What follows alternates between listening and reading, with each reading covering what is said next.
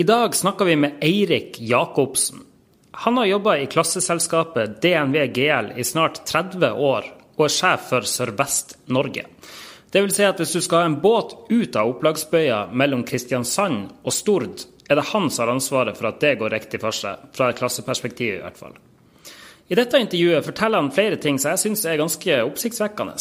F.eks. er det ikke sånn som jeg trodde, at klasseklokka stopper mens en båt ligger i bøya. Det er heller ikke sånn at alle de vel 130 båtene som utgjør opplagsflåten i dag, må gjennom like omfattende prosesser før de kan reaktiveres. Mange har nemlig gjort mye allerede før båtene ble lagt kald. Dette er noe av det du får høre mer om i denne første episoden i Sysla Shipping sin miniserie om nettopp opplag. Mitt navn er Gerhard Flåten. God fornøyelse. Opplagsregisteret som vi har på eh, Sysla Maritim viser nå at det er 137 norskkontrollerte offshorebåter som eh, ligger i opplag. Hvordan eh, merker DNV GL det? Ja, Vi ser det jo i forhold til aktiviteten selvfølgelig på seilende skip. At vi har mindre klassinger, vi har mindre av de store verkstedoppholdene. Men vi ser også at det er en annen type forespørsel vi har fra våre kunder. De rederne som nå har båter som er i den situasjonen at de må ha båter inn i opplag, eller har de opp i opplag, eller skal ha de ut, har en helt annen eh, type spørsmål de lurer på. Der vi kommer inn med vår klasserolle, og til dels også en sånn rådgivningsrolle. For å uh, se til at uh, vi er med på å sikre det å få båtene ut på en sikker måte, men også å ta de rette avgjørelsene underveis. Ja, kan du si litt mer om det? Altså, når er det et rederi tar kontakt med dere i forbindelse med, med opplag? Altså, jeg tenker primært på, For å starte med begynnelsen, når en båt skal ut av markedet og inn i opplagsbøya. Ja, Det som er vanlig, det er jo det at uh, rederen kommer til oss og gjerne vil diskutere litt grann ulike opsjoner.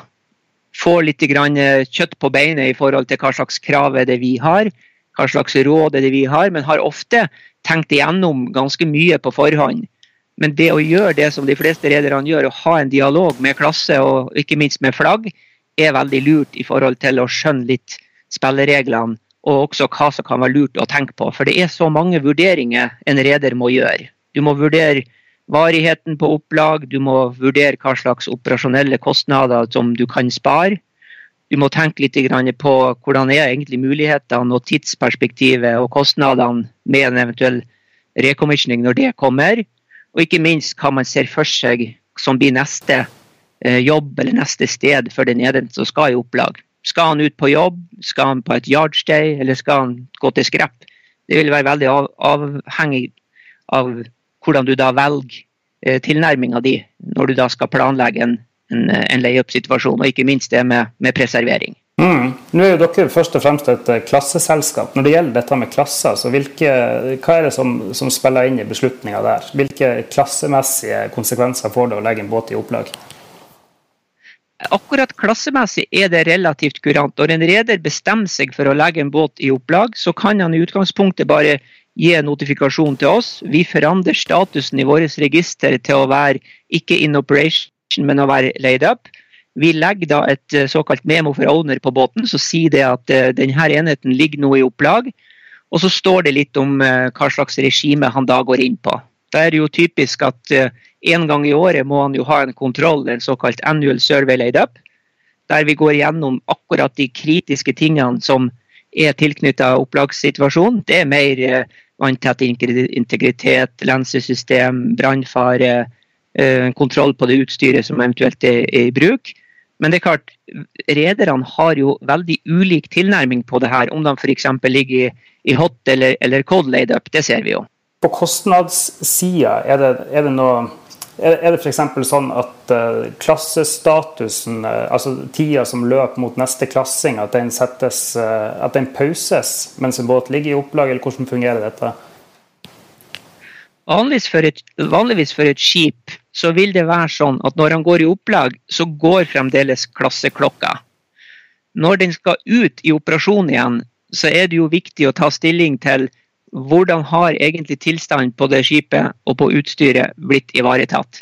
Og det er klart, I den settingen der så blir det en vurdering case by case som sier litt om hvor mye er det egentlig du må gjøre av survey, av kontroller, av testing, før du kan gi sertifikatene tilbake eh, i en status der det sier 'in operation' igjen. Mm. Og der er det jo veldig avhengig av hvor godt det her er planlagt, hvor godt det er dokumentert, og ikke minst hvor, hvor mye vi har vært involvert i den prosessen i forkant. Og der er det jo vi ser at rederne ofte ønsker å diskutere med oss for å få smarte tilnærminger når de legger båten inn, for å se til at når de skal ha den ut, så foregår det så smidig som mulig, og ikke får noen overraskelser. F.eks. med at uh, du må gjøre uh, utvida test, eller ting må kontrolleres uh, mye, mye mer enn hva de har sett for seg, og kanskje det påløp uh, ekstrakostnader og, og, i verste tilfelle verkstedopphold tilknyttet tilknytta det. Nå er det jo en, eh, et helt uh, virvar av uh, utstyrsleverandører som har utstyret sitt om bord i en båt. Hva, hva, er det rederen kan snakke med dere om? Altså er det på det overordna plan, eller kan dere på en måte gå inn i detaljene og si at det er viktig å gjøre så og så med framdriftsmaskineriet, så og så med, med tavlene, f.eks.?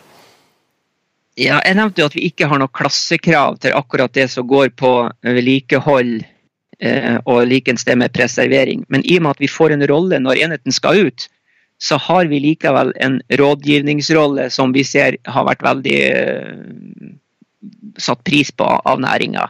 Så, så, typisk har vi en dialog da med både reder og med utstyrsleverandører eh, i forhold til å gi de eh, tipsene som kan være lurt å tenke på. Og da kommer det med, med preservering inn.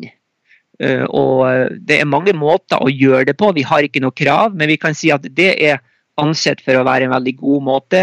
Her kan det være lurt å ha tenkt på eh, en annen måte å ivareta f.eks. roterende maskineri som vanligvis går når skipet er i drift. Hvordan ser du til at smøring av lager og, og den type problemstillinger som går på at, at motorer f.eks. står i ro, at det kan ivaretas ved at man gjør smarte ting under, under opplagssituasjonen. Mm. Vi skal komme litt uh, tilbake til erfaringen dere har gjort uh, senere. Men kan du si allerede nå, altså, er det noen ting som framstår som uh, der det gjøres flere feil enn andre plasser, der det gjøres mer rett enn andre plasser? Du tenker på rent konkrete ting man gjør med skipet mens det ligger i, i oppslagsbøya?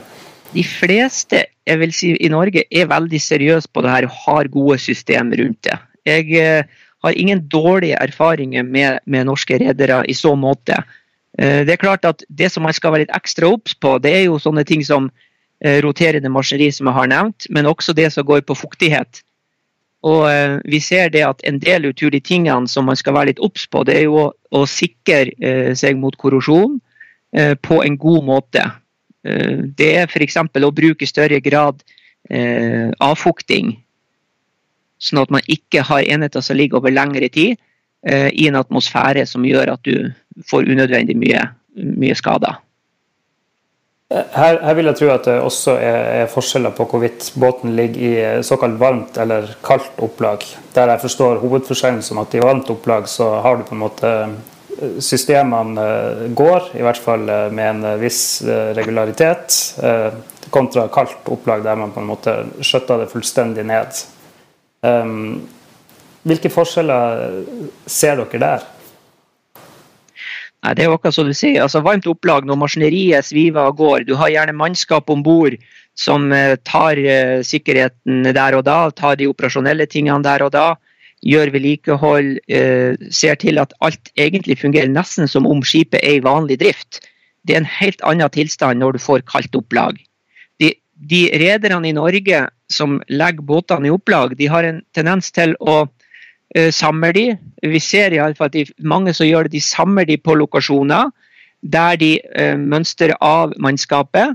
Og så kjører de en helt uh, minimum overvåkning på brann, på lekkasje, på fortøyning, uh, vakthold, ved at de har folk som bor i nærheten, og som kan gå og gjøre de tingene som, som skal gjøres Eh, med et helt annet intervall, men også mulighet til å steppe inn i tilfelle noe skulle skje. For det er jo òg en sikkerhetsrisiko å ha et skip liggende i kaldt opplag der i tilfelle noe skulle skje, f.eks. du får en lekkasje.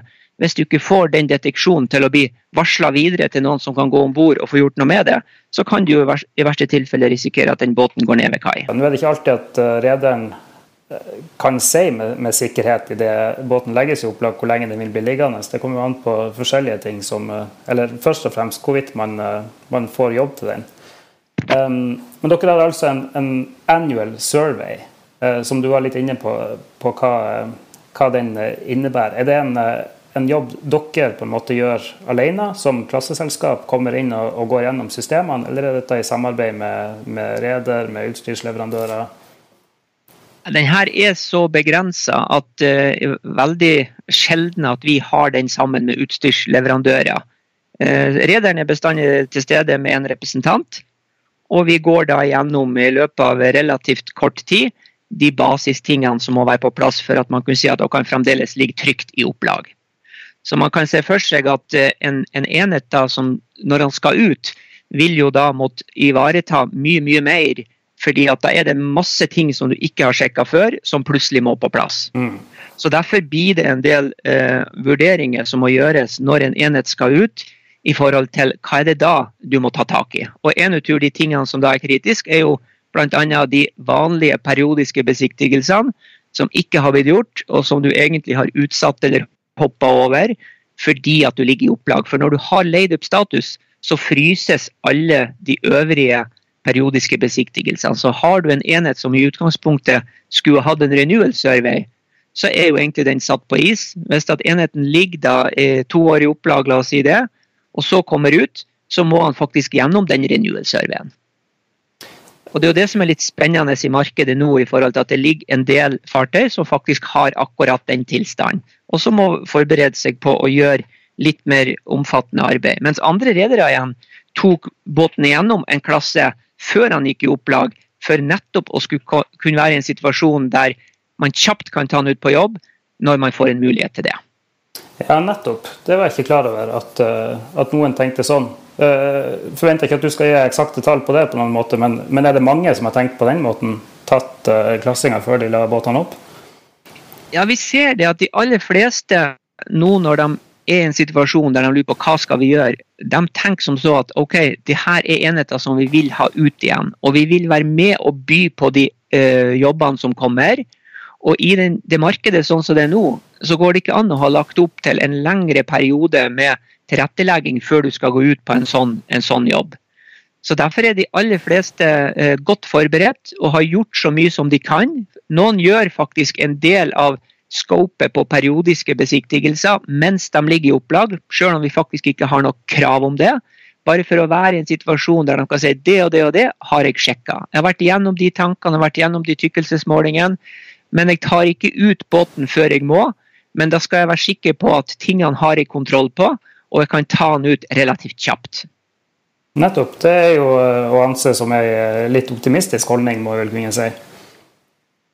Ja, og vi ser det jo spesielt nå på denne tida av året, når det er en del aktivitet som foregår pga. at nå er det værvindu som tillater en del operasjoner offshore, der det er behov for eh, enkelte fartøystyper plutselig så skal det ut eh, ankerhåndteringsfartøy som skal gjøre jobb. Og Da er det viktig å kunne ha et fartøy som kan stille på kort varsel og være med og ta de små pikene som kommer. Så selv om det ikke er en sånn kjempeoppgang, så har vi jo sett det at det som var en situasjon tidligere med at antall båter bare økte og økte i opplag, det har jo vært en, en trend som har snudd nå. Så det er færre som ligger i opplag. Så det blir jo spennende å se til høsten hvordan det blir da igjen, om det, om det går flere inn igjen. Men sånn som det ser ut nå, så er det faktisk litt optimisme i markedet. Ja, Vi hadde en topp eh, i opplagsregisteret på eh, akkurat over 180 i februar i år. Og nå er vi som sagt nede i 137, så en god del båter er jo eh, tatt ut og blitt reaktivert. Ja. Men for å følge den prosessen helt ut, altså idet en båt skal reaktiveres, det er da den store jobben kommer, og det er da dere er mest involvert, så vidt jeg forstår på det du sier? Kan du si litt om hva som skjer da? Ja, Det er flere ting som du går igjennom da. Du tar jo stilling til for det første varighet på opplaget. Hvor lang tid har du vært i opplag? Typisk så skiller vi sånn eh, veldig forenkla på om har du vært over eller under ett år. Det er litt sånn litt kritisk. Med en gang du har vært over eh, tolv måneder, i, i, opplag, så har vi en mye mer omfattende inspeksjon som også innebærer at skipet skal ut på en prøvetur faktisk før vi setter inn i operasjon igjen. Det er det som er vanlig. Ja. Det andre tingen vi tar stilling til, er selvfølgelig det med preservering. Hvilken preservering har du faktisk gjort i den perioden du har vært i opplag? Hvordan er det dokumentert? hvor godt er det dokumentert uh, at du faktisk har en preservering som har fungert også. Og det vedlikeholdet av utstyr Du kan jo tenke deg en motor som skal overhales med, med jevne mellomrom, eller det kan være enkle ting sånn som eh, ting som går ut på dato. Er det noe utover det som er, er, gått over tida, så må man se til at de tingene også blir ivaretatt.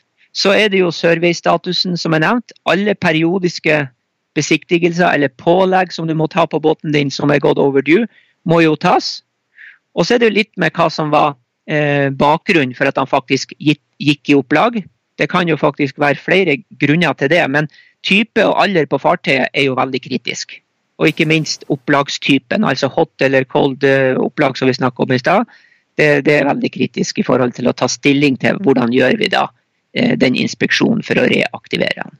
Når du sier at eh, den på en måte magiske grensa er på tolv måneder, så er det etter tolv måneder i kaldt opplag du mener?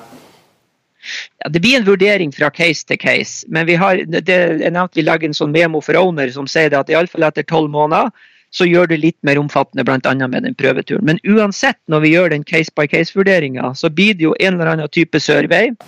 En eller annen type testing. Det kan være funksjonstesting, det kan være test av sikkerhetsfunksjoner, det kan i enkelte tilfeller være trykkprøving eller lasttest og det med, med prøvetur. Men alle disse tingene blir da vurdert avhengig av de parametrene som er nevnt i stad. Så legger man opp et scope, så gjennomfører man det, og så aktiverer man det. Dette da har du på en måte in operation status igjen. Ja, nettopp. Det høres omfattende ut. Er, er dette oppunder uh, å være like, like, omfattende som når du tar en, tar en båt fra verftet og skal på første prøvetur? Eller er det noe helt annet?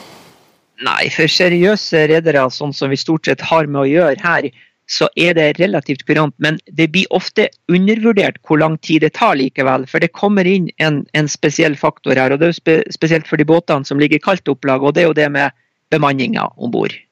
Det er klart, Får du om bord et helt nytt mannskap, de andre har kanskje eh, forlatt rederiet, kanskje det er på andre båter, og så skal du bemanne opp igjen et nytt mannskap, så trenges det en god del tid til igangkjøring, familiarisering. Det som er viktig, det er jo når du har fått det nye mannskapet om bord, som kanskje ikke har vært på det skipet før, at de får en god familiarisering. De får gjort seg kjent med fartøyet. Eh, de får testa ut sikkerhetsfunksjoner, eh, nødsituasjoner. I det hele tatt være klar over hvordan skipet skal operere, både i normaloperasjon, men også i nødsituasjoner. Og det her er jo også også ting som vi verifiserer når vi kommer om bord. Både med klassehatten på som klasseselskap, men også når vi har rollen på vegne av flaggstat. For Det er viktig å huske på at de her skipene her, de har jo både klassesertifikat og flaggsertifikat. Og Flaggstaten sine krav skal man bestandig være litt obs på. De kan også variere fra flagg til flagg. Hvilke krav det f.eks. er i forbindelse med et skip som skal ut av opplag. Er det noen eh, flagg som er strengere enn andre? Ja, det er det. F.eks. når det gjelder ledelsessystem, så er jo den typiske gyldigheten på eh, både ISM, ISPS og MLC-sertifikat, så sier man det at ok, eh, etter seks måneder i opplag, så vil de sertifikatene være ugyldige, og så må du gjøre en interim audit. Mens andre flaggstater sier at nei, den grensen på seks måneder gjelder ikke hos oss, den er satt ned til tre måneder. Så det er viktig å ha en god dialog med flagget, og det er også viktig å sjekke de særkravene som flaggstaten må ta. Så I aller fleste tilfellene så er jo vi delegert også, vi har en autorisasjon på vegne av flagget, men det er viktig å ha flagget med i den loopen, i og med at dette er en litt spesiell situasjon. Nettopp. Hvis du er på nordflagg f.eks., hvilke regler er som gjelder av de du nevnte nå? Ja, jeg vil ikke gå inn på de enkelte flaggstatene sine, sine krav, men eh, norsk, norske myndigheter har, går for å være en veldig seriøs og, og ordentlig flaggstat. Så det er ikke noe bekvemmelighetsvinkling eh, på det. Samtidig så legger de seg ofte opp imot det som er de vanlige IMO-kravene. Eh, så hvis ikke annet er sagt, eh, så kan det godt være seks måneder for norsk flagg, f.eks. Du, du sier at uh, noen undervurderer hvor lang tid det tar å få båten reaktivert. Hvor lang tid tar det? Ja, Du kan tenke deg en, en enhet, som har vært i opplag eh, i bare eh, to måneder, la oss si det, og har valgt å legge den i hot eh, laid up, har, har fullt mannskap om bord, har kjørt en vanlig operasjon nesten som om båten ligger på spotmarkedet. Da snakker vi om bare timer. Da tar det veldig, veldig kort tid. Da er det ikke så veldig mye som vi egentlig behøver å bekymre oss over og sjekke. Mens eh, det er klart, har du da en enhet som har ligget fem år i cold laid up, alle myndighetssertifikat, alle klasses, klassesertifikat er med sine periodiske besiktigelser er blitt overdue, så må du gjennom de. Det kan bety at du må inn i, i dokk, det kan hende at du må ta tykkelsesmålinger, trykkprøving, kanskje du må skifte stål, du har masse som skal skiftes, du skal ha lastteste mange ting. Så da kan det ta mye tid. Og Det er klart, det er jo den biten som vi ønsker å være med på å begrense risikoen av ved å ha den gode dialogen og sjekke de her tingene opp underveis og gi et råd om hva som er lurt å gjøre. Så det ikke kommer noen overraskelse. Så det er klart, i en setting med kjøp og salg, så skal man være obs på båter som blir plutselig eh, overført fra en reder til en annen, der du mister litt av den historikken, og der den nye rederen får med seg relativt lite av hva tankerekka var det som var ja, hvilke tankerekker var det som var gjort, og hvilke ting er det som i utgangspunktet man har gjort fra starten, som man skal videreføre i neste fase. Ja, nettopp. Det er ikke alltid at uh, den skriftlige dokumentasjonen er så detaljert at man, man vet nøyaktig alt som har skjedd.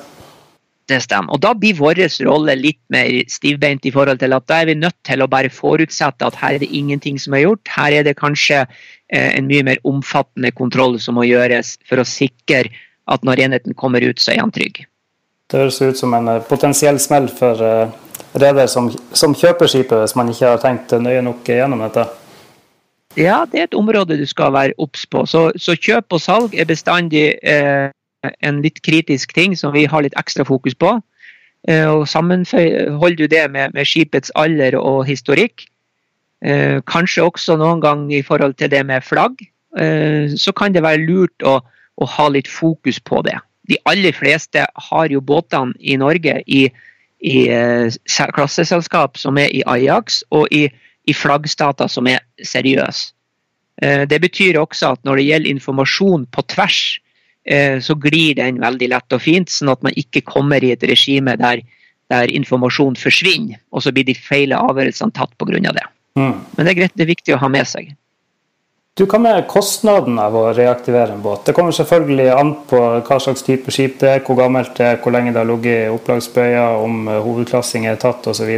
Men uh, om du kan på en måte si noe som uh, Si litt om hva slags kostnadsperspektiv man opererer med her.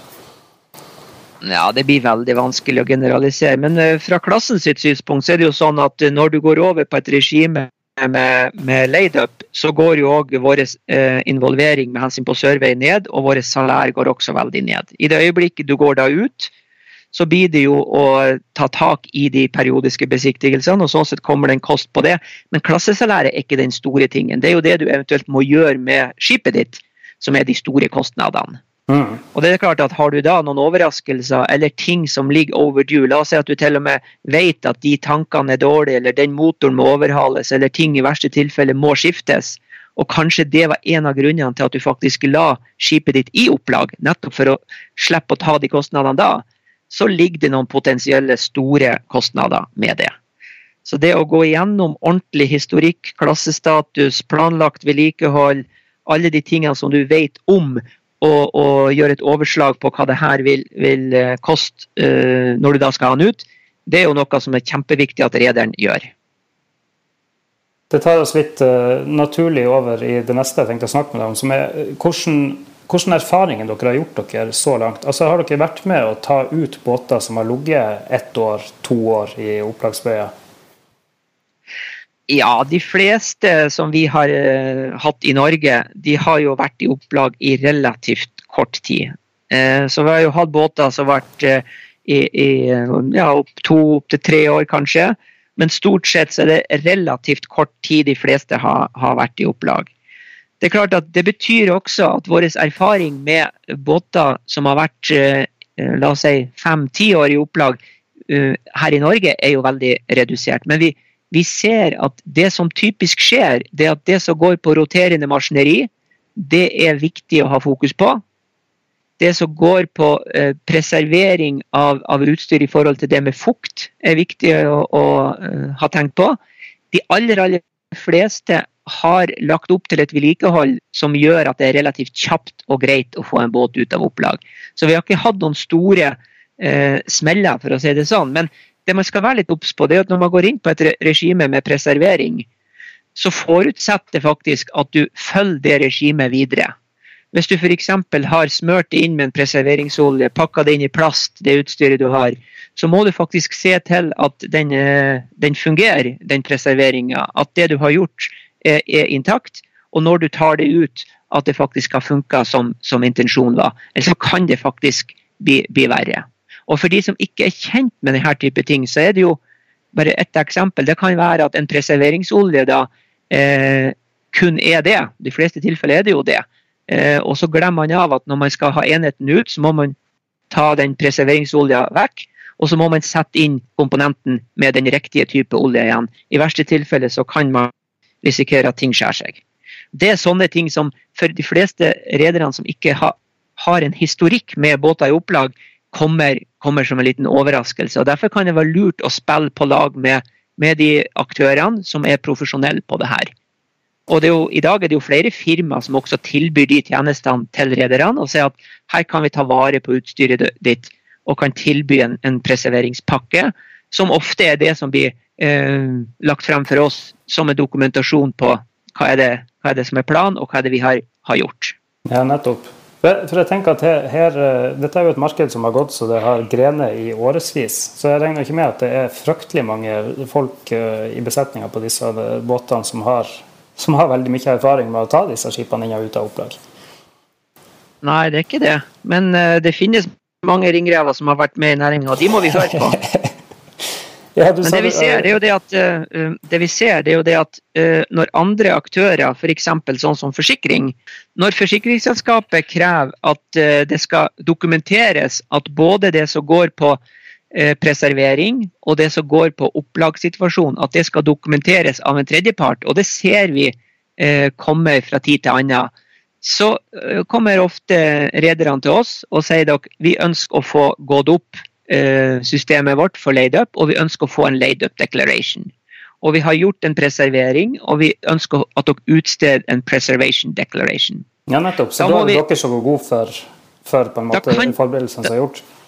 Ja, da kan vi gjøre det. Så sier vi vi har ikke noe krav til det fra klassen sitt syn, men DNVGL har også en Maritime Advisory-enhet som kan eh, være med og hjelpe eh, rederiet i den situasjonen. Og Da har vi laga også et dokument som er en recommended practice, som heter 'Leida på vessel for ship and mobile offshore units.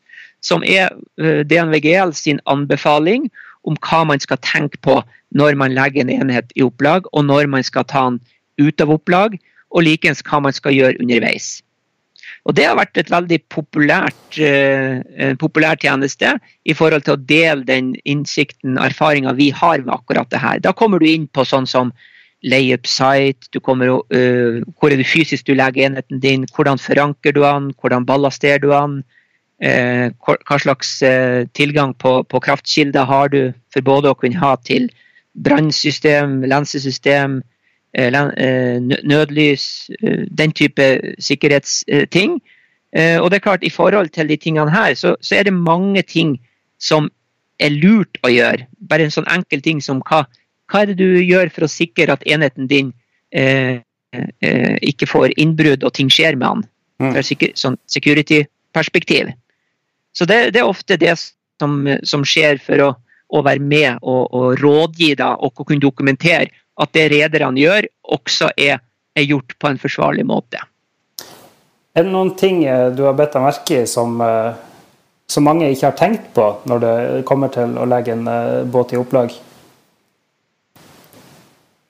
Det jeg kanskje tror flere skulle ha tenkt litt på, det er prosessen med å ta den ut. Å være enda flinkere på det og planlegge den godt. Eh, sånn at den prosessen går smidig, går på en eh, kjapp måte, men at du ivaretar de tingene som skal ivaretas. At det ikke blir en overraskelse at det tross alt tar litt tid. Så planlegging er nok det aller, aller viktigste. Dette var den første episoden vi kjører om opplag denne sommeren og høsten. I de neste episodene snakker vi med ABB, Kongsberg Marine, Pond Power og Brunsvoll om hva slags erfaringer de har gjort seg, og hva slags anbefalinger de kan komme. Fortsatt god sommer. Vi høres.